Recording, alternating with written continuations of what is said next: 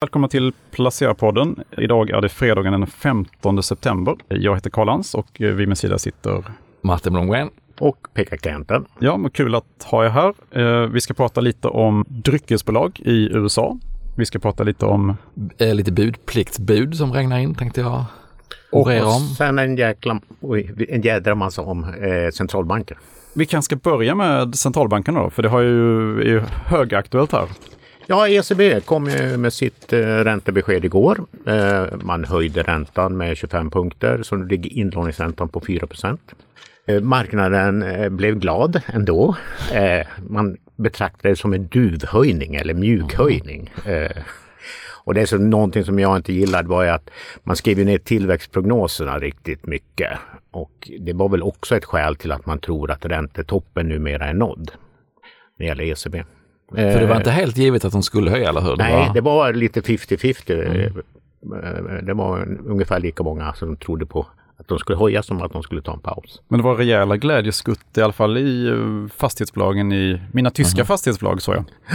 Ja, ja, nej, men det är ju det här med att eh, man, man reagerar på att, eh, ja, att räntetoppen ska vara nådd. Då. Men eh, jag som makroekonom blir ju samtidigt lite ledsen för, eftersom eh, tillväxtprognoserna ser så bleka ut. Eh, så lite sådär tycker jag en överdrivet positiv reaktion på en ganska bister, bistert besked med både räntehöjning och en svag tillväxt. Men är det att man, man har väntat på den här lågkonjunkturen, man vet att den på något sätt ska komma, så det är lika bra att ta den så att vi kan börja sänka räntorna igen. Yes. Det som man... yes. Ja, det är, jo, nej, men så är det ju. Och, Ja. eh, kan man blicka framåt och så hoppas man väl då att eh, man börjar sänka någon gång en bit in på 2024. Och, och då kanske det blir ännu bättre fart på dina fastighetsaktier. Ja, jag sitter ju och hoppas på det också. Det, och både fastighets och småbolagsaktier har gått fruktansvärt dåligt ju, under den här perioden. Och så kan vi säga att eh, gårdagens börslyft fick lite extra skjuts av att det kom eh, ganska bra amerikansk statistik som inte var varken var för stark eller för svag. Det var detaljhandelssiffror som var lagom starka för marknaden. Och dessutom så var det, kom det producentprisindex som var li, lite lägre än väntat. Då. Så att, eh, Och svensk inflation lägre än väntat också. Ja, Eller det var också det. igår? Eh, Ja, det kom också igår och eh, ja, det var ju väldigt glädjande. Vi, vi har ju väntat på att eh, det här stora tappet i inflationen ska komma då. och eh, nu kom det. Men det är ju ganska många månader i rad som inflationstakten de facto har sjunkit. Och nu ligger det här viktiga KPIF då som är Riksbankens inflationsmål. Det landade då på 4,7 procent. Mm. Och det är ju... Det är, vi börjar närma oss eh, någon sorts eh, mer eh, hanterbara nivåer. Och det är ganska höga, jag såg någon tabell på senaste årens per månad då, det är, ju, det är väldigt höga jämförelsesiffror nu. Så att bara det, baseffekterna Ja, ja. Är väl, talar väl för att vi fortsätter den här Ja, ja, det är ju baseffekterna framför allt som drar ner inflation tillsammans med sjunkande energipriser. Eh, då kan man säga att KPIF exklusive energi kom ju in lite högre än eh, Riksbankens egen prognos. Eh, dock under analytikerprognoserna. Men eh, givet eh, att inflationen trots allt är ganska hög, vi har en svag krona och eh, ECB höjde så får vi nog, eh, kan vi nog räkna hem en räntehöjning från, även från Riksbanken i nästa vecka. Är det, 21. blir det den sista då tror du? Jag tror att det blir den sista. Dock tror jag att man kommer att flagga för att det kan komma ytterligare räntehöjningar i sina prognoser. Men, eh, men, men med den här svaga tillväxten och eh, en inflation som trendar neråt och troligtvis kommer att göra det även fortsättningsvis så tror jag att det blir lite pedagogiskt svårt att höja räntan ytterligare en gång i höst. Så räntetopp även i Sverige nästa vecka då? Kanske. Ja, ja. Hur, ehm, när är vi nere på 2% inflation igen då? Eh, vi får se då. Det blir väl någon gång i slutet på 2024. Men man kan säga så här att eh, i, i december, så om man tittar på de mer seriösa prognosmakarna så tror de att då ska inflationen, alltså KPIF, vara nere på 2,5 procent. Och det är ju faktiskt hanterbart. Liksom. Så att, eh, men eh, det, det, den, den största osäkerheten tycker jag det är den svenska kronan då som är så himla svag. Och som Riksbanken har poängterat nu flera gånger. Då, att oj, vi måste... Det måste upp alltså. Mm, det måste upp. Men du Fed är också på gång nästa vecka eller? Ja, och det blir, kommer ju betyda jättemycket för marknaden. Om, eh, om eh, ECB gjorde en mjukhöjning så tror marknaden att eh, Fed kommer göra en hård paus. En hård paus, okej. Mm. Eh, det vill säga att man tar en räntepaus men att man kommer, eh, man kommer att flagga för att eh, eh, det kan eventuellt komma fler räntehöjningar. Eh, jag, skulle, jag skulle inte satsa alla mina pengar på att de inte höjer i nästa vecka. Men eh, det är vad marknaden tror i alla fall. Nu nu blir det ju ganska positiva reaktioner på börsen. Tror du att eh, centralbankerna kan bli lite liksom störda eller stressade av det? Att de vill signalera att eh, räntesänkningarna är ganska långt bort. Mm. Så att reagera inte för positivt nu. Ja, och det, och det är det stora skiftet som har skett på marknaden under, sen, ja, under sommaren här. Det är ju att man har skruvat upp ränteförväntningarna på längre sikt. Eh, I maj någon gång så trodde man att räntan skulle, den amerikanska styrräntan skulle ligga på runt 2,5 procent i slutet på 2024. Eh, nu tror man att den kommer ligga på lite drygt 4,5 procent. Så det är det stora skiftet som har skett. Och jag är jättenyfiken på de prognoser som de här enskilda ledamöterna i den här räntesättande kommittén ska leverera. För att om de bekräftar att räntan kommer ligga kvar på en hög nivå rätt länge så kan det bli lite nervöst. Skulle de däremot ha en långsiktig ränteprognos som låg klart under marknadsförväntningarna, då skulle kan vi nog se ett rejält börsuppgång.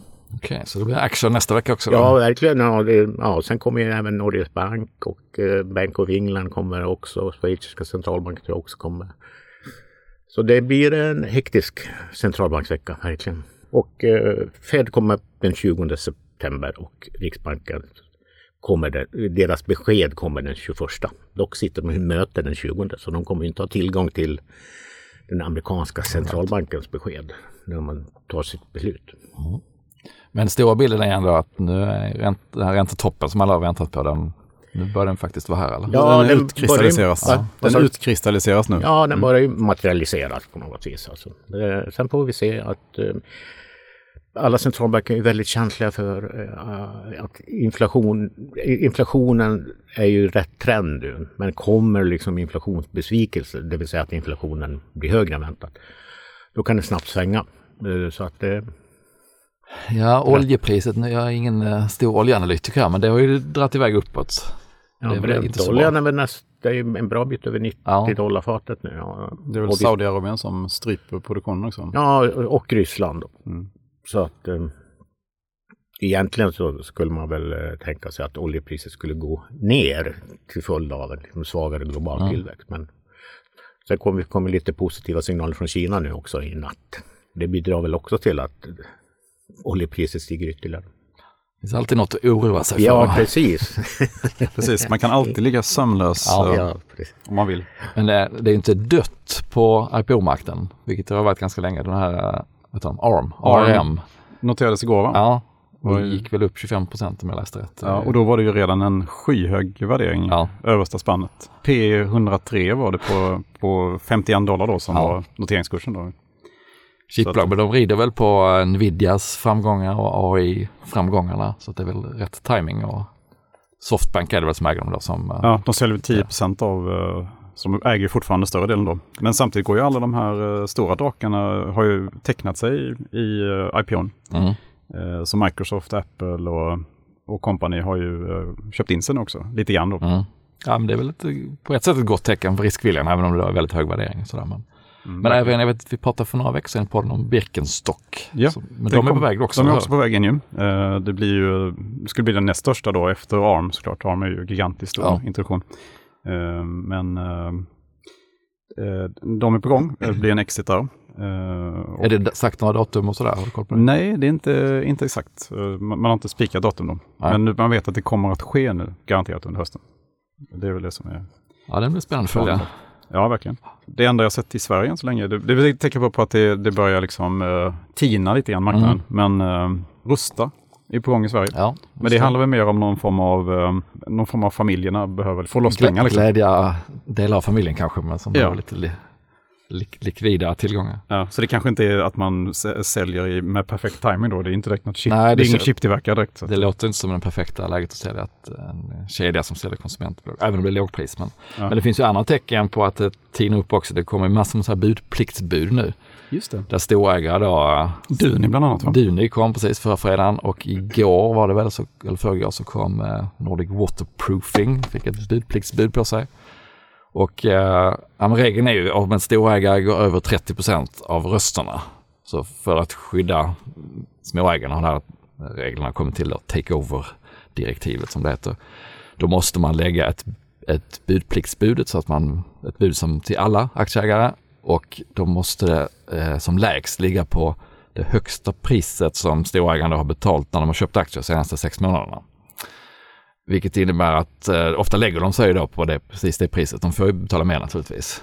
Och många har också sagt av de här exemplen som finns senaste året att de är egentligen inte ute efter att köpa ut hela bolaget. Och det var samma i Dune då. Mellby Gård säger att vi, vi vill kunna köpa lite mer men vi vill egentligen inte köpa ut hela bolaget. Eh, så det innebär att budpremien blir inte så fantastisk utan det blir vad de redan har betalt för aktierna tidigare. Och som aktieägare då, hur ska man tänka här? Ja, men man ska vara lite försiktig med att bli för glad tror jag. Mm. För att eh, om man tittar på Dustin till exempel, i somras kom ett bud från Axel, eh, Axel Jonsson, Sverige som gick över 30 procent på 28,50 var det om jag inte minns rätt. Och då har man ju en acceptperiod, när den, när den löper ut och tar sig på något sätt golvet bort som garanterar att man kan få det här priset och då föll den ner till 21-22 kronor. Eh, nu får vi se hur det blir i Duni men även Svedbergs var ett liknande fall. Det var Stena som la budpliktsbud där när acceptperioden gick ut så föll aktien ganska kraftigt. Swedencare var ett annat exempel, men där är det, ligger där kursen lite över budpliktsbudet. Så att eh, ja, det är liksom två, det är en vågskål där. Å ena sidan finns det en stor ägare som tycker att aktien är för billig, vilket ju är positivt. Å andra sidan så vet man idag att den här ägaren kommer att köpa lite grann, men de vill inte lägga ett, ett saftigt bud, så att det lägger lite sordin på, på kursen. Det blir lite våt filt sådär att, ja, hade man hoppats på ett, ett fett bud så försvinner den chansen. Mm. Men de som accepterar budet, de, de säljer sina aktier till ja precis, mm. ja, precis. Så det är ju ett bud på hela bolaget, men det är ju lite framtvingat av de här reglerna att mm. passerar man 30% så måste man lägga ett bud. Och då lägger de det så snålt de kan ofta. Och så är de glada för det de får in och sen efter, efter hela processen så kan de fortsätta köpa. Men eh, jag ska inte ta gift på det, men jag tror att sen måste det gå 12 månader innan man får lägga ett nytt bud på hela bolaget. Så att lite grann, finns det en ägare som har 30 så är det sällan att det kommer in någon annan och lägger ett annat bud. Och eftersom det ska gå 12 månader så blir det då en period när det inte kommer att komma något, något Bamsebud. Ligger en död hand över aktien? Ja, det blir lite så. Så att det, finns, det finns positiva grejer med att man säger att det kanske är en för billig aktie, men å andra sidan, mm. det blir sällan det här jättelyftet. Men är man långsiktig så kanske man bara ska se det som brus där? Ja, det kan man göra. Om man, om man ska hålla koll på den här acceptperioden, tänker jag. I Duni så var 10 oktober löper det ut då i deras bud. Så fram till dess har man ju chansen att sälja då till det här, en fast nivå. Efter det finns det ju en risk att eh, om det är en sur marknad i övrigt att aktien börjar falla tillbaka. Så att ja, det finns plus och minus, men det är sällan en riktig, inget som driver på aktien speciellt mycket. Nej, jag hade ju precis en, eh, en god vän till mig som var väldigt glad här och att det kom ett bud äntligen på Duni liksom. Ja. Men uh, var jag tvungen att, att tyvärr dämpa personens förhoppningar. Liksom. Ja, och du har en bordskanna här som Eh, ja, äger Dustin som blev glad när det kom ett bud. Vilket innebar att den fortsatte ner 25 sen. Så att, eh, mm. ja, jag är en av alla dem som har fått uh, mm. bli lite glad först och sen inse att det kanske inte var så himla bra ändå. Mm. Men det är spännande, det säger ju någonting idag apropå det här med ja, det alltså, introduktioner ja. och att storägarna är beredda att, ja. de tar ju ändå så att säga, risken inom situationstecken att de måste mm. köpa ut hela bolaget. Så de måste ju tycka att den värderingen är okej okay för att köpa ut hela bolaget. Det visar de... att, att duktiga professionella investerare ser möjlighet på längre sikt kan ja. man säga. Mm. Och ofta då en ägare som kanske sitter i styrelsen förmodligen. Som har insikt. Ja. Så att ja, det finns något positivt i det ändå, även om det i de enskilda fallen sällan blir en, en jättebra affär. Ja, precis. Det, det, det, det är tudelat kan man säga. Ja, det är tudelat. Men, men är det klart med vilken värdering Birkenstock kommer att få? Alltså, den kommer att... Det enda man säkert kan säga är att det kommer bli väldigt, väldigt dyrt för de som tecknar. Liksom. Ja. Men, det är inte, inte deras sandaler redan dyra? Jo, men de jobbar ju aktivt med att göra dem ännu dyrare och ännu mer exklusiva. Så att uh, bara i Tyskland då har man ju, uh, förbjuder man ju då tusen handlare att sälja Birkenstock. Eh, och då, då är det mer sådana här vanliga liksom... Eh, Rusta. ja, kanske inte, kanske inte rusta då, men eh, typ Åhlén kanske inte får sälja det längre. Utan det ska liksom vara fina eh, lyxbutiker då. Så att eh, Kommer de ha egna butiker också? Eller, har de det redan? det har de redan. Tanken är ju att flytta upp då ännu mer i lyxkedjan i alla fall. Och det har de ju lyckats med väldigt bra under de här få åren faktiskt som eh, då eh, LVMHs riskkapitalbolag har, har delägt det. Det ser väl ljust ut. Ja, men den ser vi fram emot att du dyker ner när den väl kommer. Mm, det ska jag göra. Det ska jag göra. Men du har dykt ner i lite läskjättar vet jag också. Ja, jag kollar lite på um, Coca-Cola och uh, Dr. Pepper. Som, uh, eller uh, Keurig Dr. Pepper heter det ju faktiskt. Det slogs ihop då 2018 med Keurig som är framförallt stora då på varma drycker och främst kaffe. Men egentligen är det då Dr. Pepper som, alltså själva läsken. Juvelen i kronan. Som är juvelen, precis ja. Som då, eh, det intressanta med Dr. Pepper är väl att eh, de är så oerhört eh, stora på den eh, amerikanska marknaden. Så att det är 88 procent av omsättningen är i USA. Liksom. Och eh, jag vet under den tiden jag bodde i Kanada att, att Dr. Pepper var ganska stort i Kanada också, men, men ändå då är den internationella försäljningen bara 12 procent. Eh, Då måste jag ha försökt, det biter inte riktigt då på andra. Nej, men, men dricker man Dr. Pepper så, alltså det är ju rätt svårt att vänja sig vid faktiskt. Eh, Ja, jag tycker inte den är Svår, svår att gilla. Men det är väl lite så att om man väl liksom tvingar sig att uh, gilla den så tror jag att den blir väldigt god till slut. Men den, den luktar ju lite så här tapetklister liksom när man luktar på den första gången. Och det, är lite så- det är en väldigt konstig blandning är det. Det var, en, det var roligt att vara en student faktiskt som, som uppfann den då på slutet på 1800-talet. Han jobbade på ett apotek eh, och testade och blandade då 23 olika saker liksom. Ingredienser bland annat så här körsbär och vanilj och allt möjligt. Jag, jag har bara smakat en gång. Är det som Cherry Coke? Är det deras svar på? Ja, det är nog svaret på det Sådär. faktiskt. Ja, det skulle jag tro. Ja. Och sen eh, var det då, apoteken här var ett eh, marknadsföringsgeni så att han tog, eh, han hade en husläkare som hette Dr. Pepper. Så tog han det namnet då för att eh, det skulle låta lite mer medicinskt. Och då var framgången i, i Texas då given. Liksom. Och så från Texas har man arbetat sig ut. Doktorn ordinerar. Ja. Den smakar lite medicin också. ja, den smakar lite äckligt sådär, ja, precis ja. Usch, nu ska vi inte vara elaka om Dr. Pepper. Men, men jag ska säga att det är, um, jag tycker det här är en, en köpvärd eh, aktie. Särskilt då att jag tycker det, gillar det att, det att man har den nordamerikanska eller amerikanska marknaden så i sin hand. Och att man, har, man får, får um, väldigt geografisk koncentration. Den kommer det där ju förmodligen aldrig att vara någon riktig raketaktie. Utan det är så här stabil, den, den tickar på med 5-6 procents omsättningsökning per år ungefär. Och passar perfekt då när vi kanske då når den här räntetoppen. Liksom. Och de har rätt hög direktavkastning också. Liksom. Så att eh, eh, på För- det sättet. Föredrar du dem framför Coke? Och då menar jag aktien, inte, inte drycken. Eh, jag tror att eh, jag gillar eh, Coca-Cola ännu mer faktiskt. För de har ännu mer starka varumärken då. Eh, de är ju liksom globala giganten då. Mm. Det är ju lite samma historia egentligen faktiskt. Att det var, en, eh, det var ett apotek. eh, Man blandade ihop någonting. Eh, de lite, var ju lite kokain först då såklart. Som gjorde det ännu lite spetsade med det liksom. Det var tider det. Ja. Eh, så att, eh, eh, och samma grej också, att det var ett marknadsföringsgeni då som hittade på namnet Coca-Cola. Liksom. Och sen då har man att det spreds eh, egentligen då i samband med eh, världskrigen faktiskt. Eh, att, eh, till resten av världen att eh, de amerikanska soldaterna hade alltid tillgång till Coca-Cola helt enkelt. Mm. Eh, var de än var på jorden då och slogs. Alltså om man gillar defensiva aktier eh, och liksom inte vill ta så mycket risk så ska jag säga att båda de här bolagen är något man borde kika på. Mm. Vilken typ av direktavkastning har de? Det är runt 3, runt 3 procent idag. Jag skulle säga att om man vill vara lite mer offensiv, nu har jag inte skrivit om den eh, nyligen då, men eh, lite mer offensiv inom det defensiva så är kanske Monster ett, kanske ett bättre alternativ då till båda de här två. Har jag fel eller äger Cola Coke en del av det? Eller? Ja, det till med, det? är till och med så att de, eh, det är de som IPO-at då, Monster. Ah, Och eh, de äger fortfarande 20 procent av det. okej. Mm. Monster har ju ingen egen produktionsanläggning alls då. Utan de kör ju bara experimentverkstad Ja. och marknadsföring. En av de absolut bästa aktierna på amerikanska börsen väl sista Om man 10-15 kollar de sista, jag tror 30, ja precis, Ja. Eh, 20-30 år någonstans så tror jag att den brukar komma upp som den Mm. kanske bästa eller näst bästa eller sånt där. Nej, men absolut, något för defensiva investerare är det här. Men eh, Och det kanske kan vara läge just nu. Mm. Kanske med räntotopp är nådd. Kan det vara intressant att gå in här. Är det något ni äger eller? Nej, det är inte. Jag har kollat på Coca-Cola några gånger sådär. Det är ju imponerande. De har ju som man brukar kalla vallgava som är skapliga. Det är svårt att peta bort dem från tronen.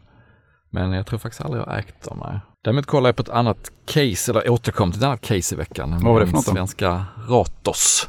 Ja, just det. Som ju har var en- 90-talets diamant kan man säga. Ja, det var precis. De var juvelen en gång i en annan krona. Men eh, det har ju gått rätt trögt och eh, Jonas Wiström som är vd nu var ordförande och fick kliva in själv som vd eftersom det gick trögt för, vilket känns som nyligen, men det var faktiskt sex år sedan snart. Så jag kollade hur, hur stod kursen då, hur står den idag? Ja, den står lite lägre idag än han tillträdde faktiskt. Och lägger man tillbaka utdelningar så är man ungefär lite, lite plus. Men det har helt enkelt inte lyft kan man säga. Eh, men de gör ju en omvandling, det har vi pratat om i podden tidigare. Och sådär. Men hur som helst, om man bara eh, i, i korthet så går de ju bort ifrån eh, att vara ett investmentbolag och riskkapitalbolag till att försöka bli liksom en industrigrupp som redovisar affärsområde på samma sätt liksom, som om man vann en, sammanhållen grupp. Och framförallt har de då köpt upp sig på teknikkonsultbolag och lite infrastrukturbolag. Men de har även Plantagen som sitt stora ben inom konsument som jag har först gått skitdåligt, sen var det pandemin, då fick de ett lyft och så nu går det väl lite mittemellan. Men aktien är som sagt lägre än, än när Wiström började. Eh, de hade ganska hög skuld vid årsskiftet som de har betat av nu. Eh, så jag vände lite spår här. Jag var neutral senast jag kollade på dem, men tror nog att det kan vara lite botten, bottenläge här nu. Det är många som har liksom sålt av också tror jag. Som, eh, så det är ju positivt att man Det, är- precis, det är nästan inga analytiker som följer. Lyssnar man på telefonkonferensen efter rapporterna så är det någon en till två som loggar in så att säga. Så att det är en helt annat, mycket, mycket lägre intresse för bolaget nu. Så det, man börjar ju på en lite lägre nivå. Och jag tycker läser man vd-orden och lyssnar på vdn så är det ju rätt tydligt att plantagen är inte eh, kärnverksamhet. De skulle nog jättegärna sälja det om de fick någorlunda betalt.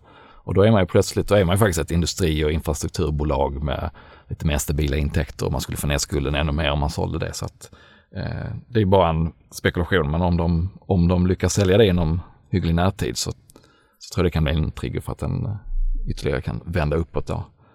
Sen är eh, i tredje kvartalet, det är inte så kul för konsulter. Det är ett par, dels är det säsongsmässigt dåligt och så är det färre, ja, så är det färre arbetsdagar det här kvartalet. Så nästa rapport blir säkert inte någon, någon fest heller. Men eh, ja, jag tror man kan börja bygga upp lite där om man vill göra en bra affär på två, tre års sikt. Så bottenfisk i Ratos. Bottenfiske i Ratos, säger jag. Har ni gjort några bottenfisken? I, I veckan eller i månaden? Eller? När var du med? Det var länge sedan du var med senast. Ja, veckan. nej, jag hade ju i vår senaste så månadssammanställning så hade jag ju Scandi Standard som ett av mina köp. Eh, Jag köpte ju inte då eftersom vi, det är lite känsligt att köpa precis då. då. Men eh, nu har jag köpt Scandi Standard. Och eh, dessutom med en liten cynisk analys i botten. Svinpesten har kommit.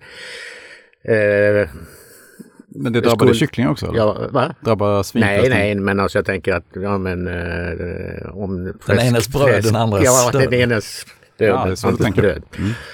Eh, så vi får se. Eh, Det har Det död inte hänt så mycket. också i och för sig. Då, men, Mm. Död för alla. ja. Men eh, det har jag gjort. Mm. Det tycker jag. Jag har bottenfiskat. Efter att ha suttit på händerna rätt många veckor så har jag tagit lite kassa och stoppat in i ett par av mina befintliga innehav. Nämligen eh, Afri, teknikkonsult. Mm. Lågt värderad, tror också det kan vara lite bottenkänning där. Eh, Securitas, som också har gått lite trögt sista veckorna, månaden.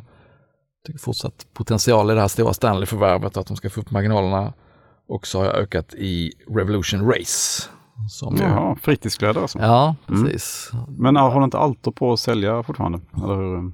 Det kan ju säkert smälla till med det ibland, men eh, att de, om de vill gå ut. För de är storägare. Men eh, ja, jag tyckte rapporten var ganska bra som kom i tidigare augusti. De, det planar ut i Sverige, eller är till och med lite ner, men däremot så har de ju större delen av omsättningen utanför Sverige. I Tyskland, Österrike, de här länderna där det växer väldigt bra. Så att det finns en jätte, jätte potential utanför Sverige om de lyckas sätta det här som ett, ett varumärke. Och bra balansräkning, de har ju inte de här lagerproblemen som många andra har eftersom de säljer direkt till konsument. Så det är inte så att det ligger en massa lager ute hos... eh, Lite som New. Wave till exempel. nej, Som har- där Torsten alltid pratar om sina han älskar liksom. lagret precis. Men det är lite annan business. Här är det ju direkt till konsument. Så det är inte det att det, heller att det är en som att Intersport sitter på en massa lager, utan det är ju deras eget lager i så fall. Vad är med gjort? Jo, men så har jag gjort ett riktigt bottenfiske också i Electrolux. Oj! Ja, Mm. Den har ju som är riktigt, länge. den är det ju verkligen ingen som gillar just nu. Svag marknad, dåliga rapporter, uh, ja, vitvarusektorn är ju liksom under press. Men Men lite så det var något, något dolt bud på dem va? Ja, det kom ju i precis, det kom lite rykten i våras att antingen köpa hela eller köpa delar och de har också öppnat lite för att de kan, Mm. ska kunna gå ur vissa delar. Eh, men de har ju, balansräkningen har ju blivit lite sämre. De gjorde stora återköp och, eh, och utdelningar när, när allt var bra under pandemin. Mm. Det får de äta upp lite nu då. Men eh, där, där den är nere nu på, vad köpte jag på 115 kanske. Det, det är nästan nere vid pandemibotten och det är där de har vänt upp tidigare. Så att jag tror att det är någon slags, att det blir inte så mycket mörkare än så här tror jag.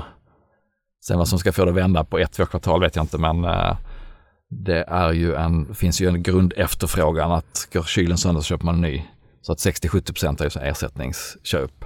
Så att även om bostadsmarknaden är trög och sådär så, så finns det en, det går liksom aldrig ner till noll utan Man kan säga att det, det kan bara bli ljusare för vitvaror kanske. mörk. Mörkret för räntetoppen här och Ja, mm, och precis råvarupriserna kanske kommer ner lite. Så att eh, ja, ett par kvartal till kommer vara riktigt tufft men eh, så fort marknaden börjar ana att, att det värsta är över så skulle den här lätt kunna gå en 20 tänker jag. Det Kalle då? låter väl rimligt. Nej, men jag har ju fortsatt mitt, eh, min lite omallokering då. Jag bara, har du eh, satt hela kassan i arbete nu? Eller? Nästan, tror jag har en 4-5 kanske. Ja, sista, men nästan. då. sista bottenköp finns kvar i, Så det, är- du kommer, när, Kanonen. när räntetoppen nås, då kommer du ha liksom... då avlossar jag sista skottet. Ja, jag förstår det. Nej, men jag har ju eh, fortsatt min eh, mm, lite så här omallokering till småbolag och fastigheter då. Så att jag har eh, köpt in mig i eh, ett, eh, fortsatt köpa in mig i Platser fastigheter. Ja. Som då är Göteborgsbaserat men har fastigheter med bra kassaflöden då framförallt. Eh, och det är familjeägt också då som jag gillar. Och inte så jättehögt skuldsatt. Sen har jag fortsatt köpa i eh, Volati också, eh, konglomerat. Också rätt så nedpressad på börsen nu va? Ja, väldigt nedpressat tycker jag. Men det är typ en sån där som kan sticka rätt snabbt tror jag, när det, när det kommer tecken på en vändning här. Sen har jag, jag har sålt amerikanska Tineboll, ett mindre innehav. Eh, jag, men min positionering är fortsatt då att, att jag tror att fastighetssektorn vänder. Och eh, när man kollar på tyska eh, fastighetssektorn så tycker jag att jag har sett en tydlig vändning eh, under sommaren här. Att de här, särskilt i de här nedpressade bostadsbolagen Mhm. de har ju stuckit med drygt 30 procent och sen sommarbotten här. Och jag tycker mig se samma tendens faktiskt på svenska fastighetsmarknaden, men att det släpper efter lite grann. Och det är förmodligen då för att utlänningar, utländska investerares rädsla för den svenska fastighetsmarknaden Mm. helt enkelt. Men jag tror att det kommer här också med lite fördröjning. Så att eh, fastigheter och småbolag är, är Fastighetsbolag, mina ja. stora bets just nu. Ja, mina var också småbolag faktiskt. Det- Jag har också biffat upp småbolag får man säga. Ja, precis. Elux är ju så nedpressat i värdering så de går snart Det är in på småbolag, småbolagslistan. Ja, likadant uh, Under 50, Securitas. 50 miljarder va? Eller? finns faktiskt en del, ja, jag tror de är på 30, 30 miljarder kanske de ligger nu på Electrolux. Så det är lite skuld så att, att Enterprise Value är väl högre då, men, men 30 miljarder på, på det bolaget tror jag är lite lågt. Alltså. Mm. Det är ändå ett av inte så många varumärken som finns där ute som är hyggligt starka fortfarande. Men vi får se. Yes, vi Han får har ju åkt på stryk för. Ja, Vi kan det igen. det handlar om hur mycket stryk man kan ta helt enkelt och fortfarande stå upp. Exakt, det är väl så Rocky Mm. resonerar. Exakt. Men eh, trevlig helg till alla som har lyssnat. Trevlig helg! trevlig helg.